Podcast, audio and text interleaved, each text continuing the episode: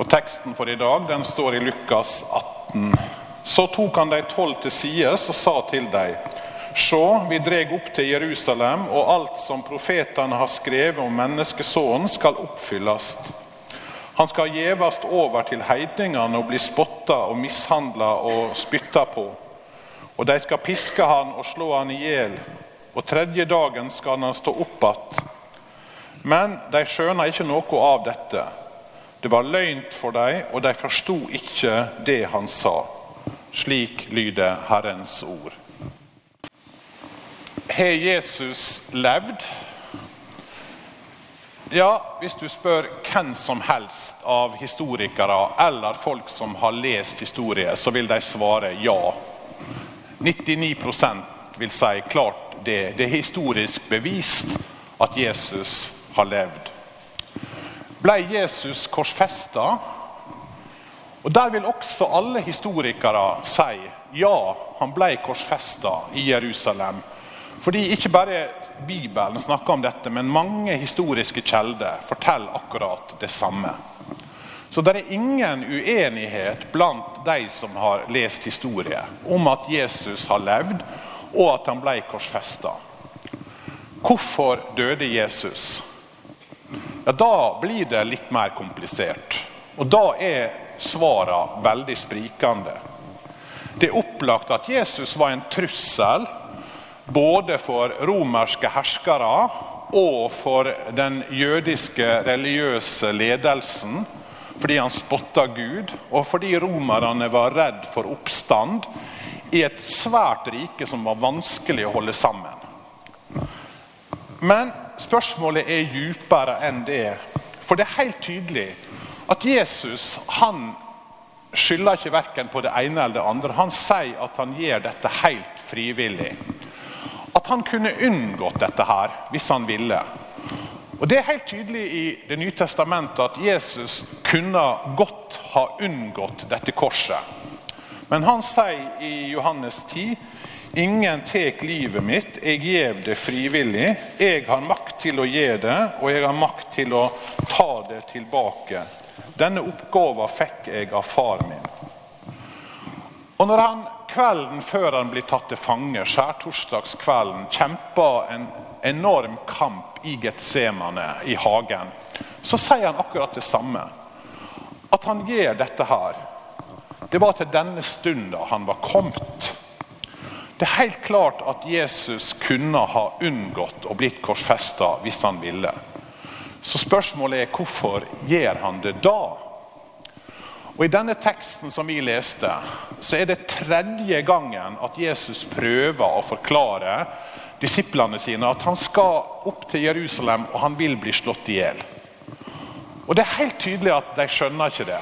Tre ganger så gjentar Lukas de skjønner ikke, de forstår ikke.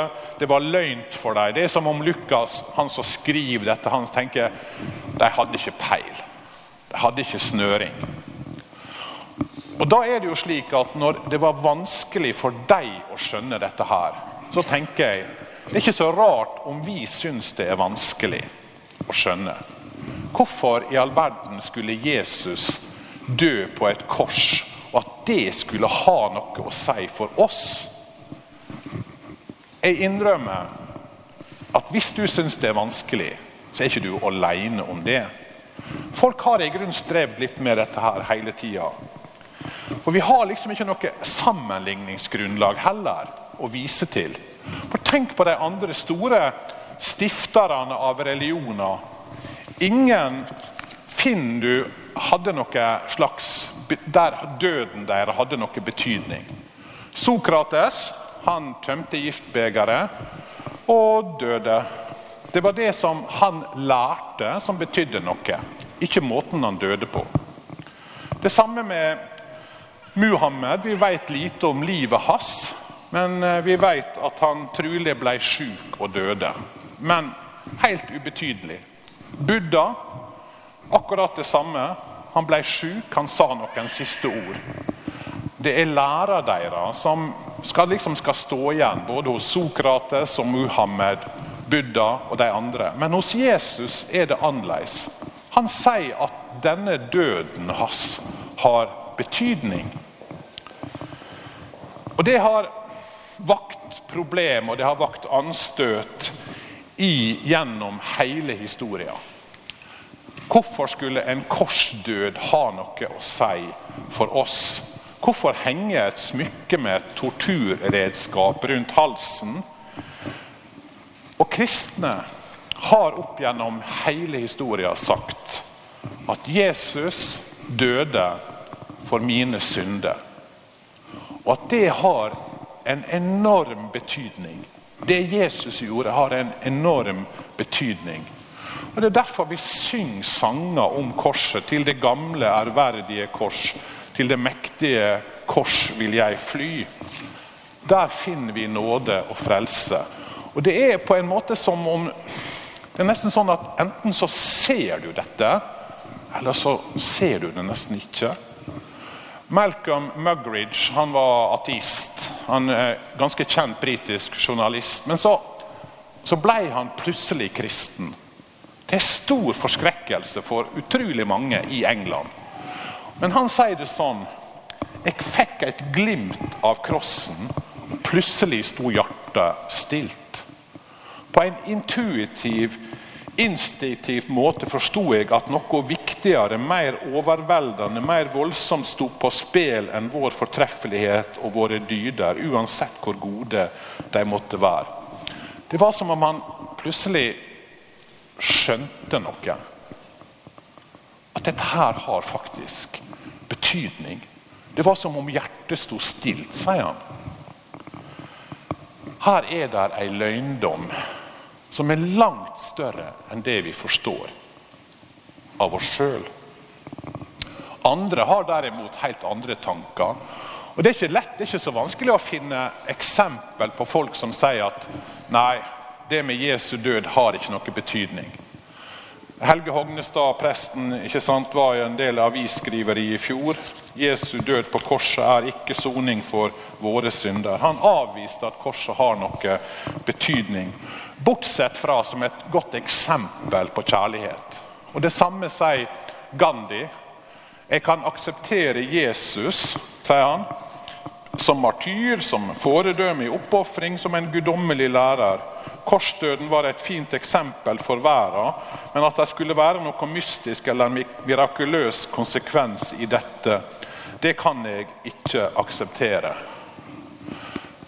Det er et problem med å si at korsdøden var et eksempel på kjærlighet. Eh, tenk deg å bære det. Tenk deg at du er på en eh, undergrunnsstasjon og Du står der sammen med en venn, og der er eh, skinner ned forbi, og tog kommer fram og tilbake. Og Så sier denne vennen til deg nå skal jeg vise deg hvor glad jeg er i deg. Og så hopper han ned i skinnene og blir kjørt over av toget. Har det noe, Sier det noe om noe kjærlighet? At du bare frivillig vil dø? Men tenk deg at det er et lite barn nede på skinnene. Og Denne vennen ser det, og han hopper ned. og Han redder barnet, men han blir sjøl overkjørt av toget. Da ville du si Oi, for en kjærlighet. Som var villig til å ofre livet sitt for å berge dette lille barnet.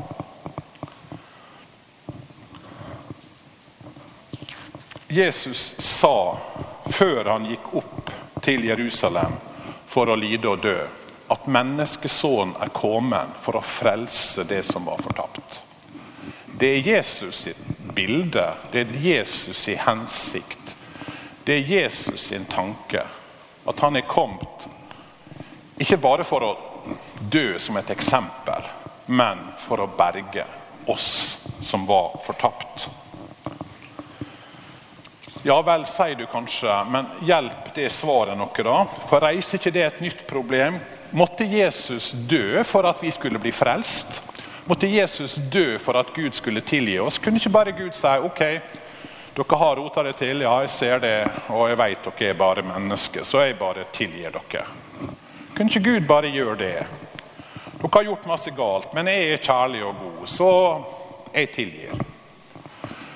For mange tenker Det virker jo heller som om Gud ligner mer på en slags hevngjerrig, blodtørstig Gud som krever offer for å bli fornøyd.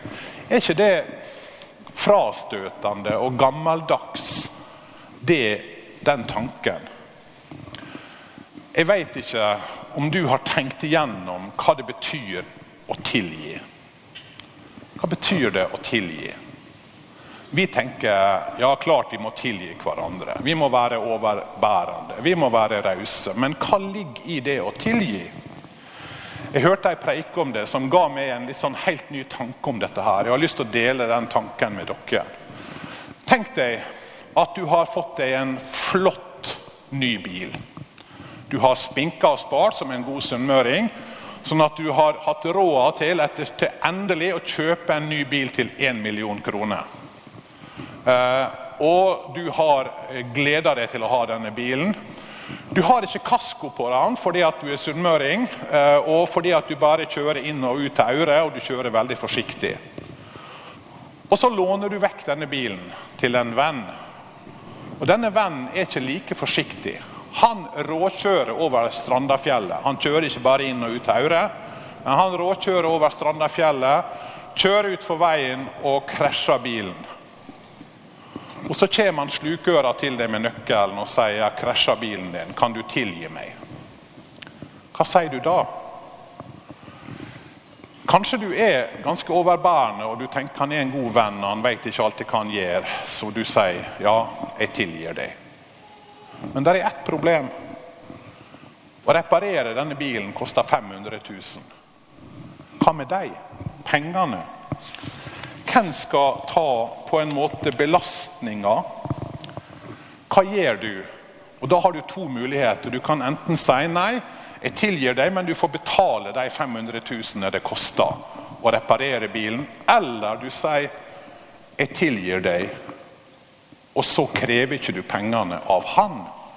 Men da tar du gjelda og skylda og pengene sjøl, det det koster. Gjelda forsvinner ikke i løse lufta. Det er ikke så enkelt som å si 'jeg tilgir deg, og så er alt ok'. Nei, sier du det, så tar du også prisen for den skaden som er påført. Vi ser kanskje dette lett når det gjelder en bil, men tenk deg om. Det gjelder på alle områder i livet. Hvis noen baksnakker deg her i bygda, ødelegger ditt gode navn og rykte, så frarøver de deg noe. De frarøver deg glede. De frarøver deg ditt navn. De frarøver deg tryggheten med å gå på Aure fordi du tenker alle snakker om dette her. De, du lir et tap av sosial status. Når noen stikker av med ektefellen din, du sitter igjen med et tap. De ødelegger noe i livet ditt. De tar fra deg glede. Og jo større dette her er, jo mer vondt det er, jo vanskeligere er det. Og jo større blir gjelda. Og du kan velge. De betaler tilbake, eller du betaler sjøl. Hvis du tenker at nei, de skal jammen svi for dette her, så tenker du hvis de har baktalt meg, så skal jeg jammen baktale dem. Jeg skal unngå dem. Eh, jeg skal aldri invitere dem i bursdag. Jeg skal gå over på andre sida av gata når jeg møter dem. Jeg skal vise mitt forakt og mitt sinne. Det er et grunnleggende problem selvsagt, med det valget.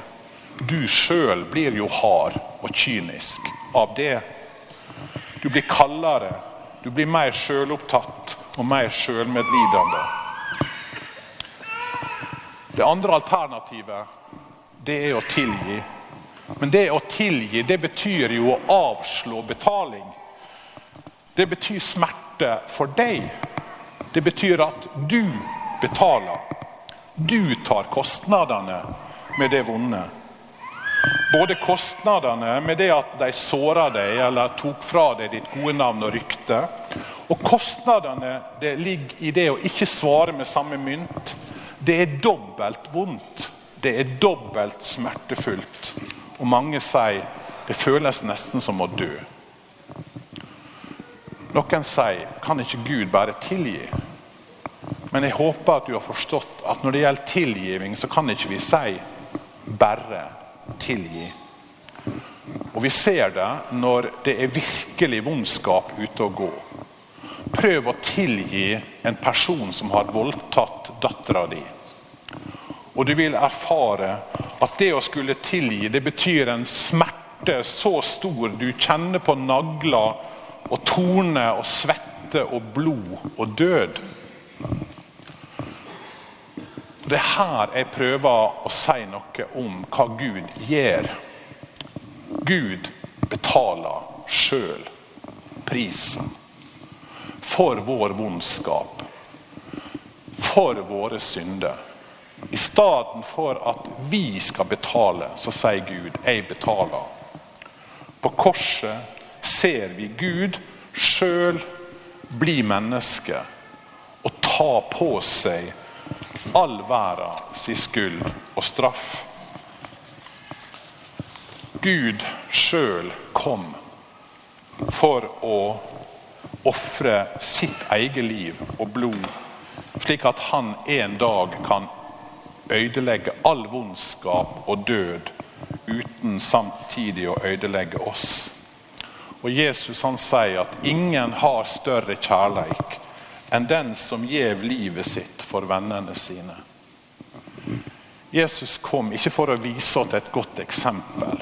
Det hadde vært flott om det var det han gjorde også, selvsagt. Men det er noe langt dypere.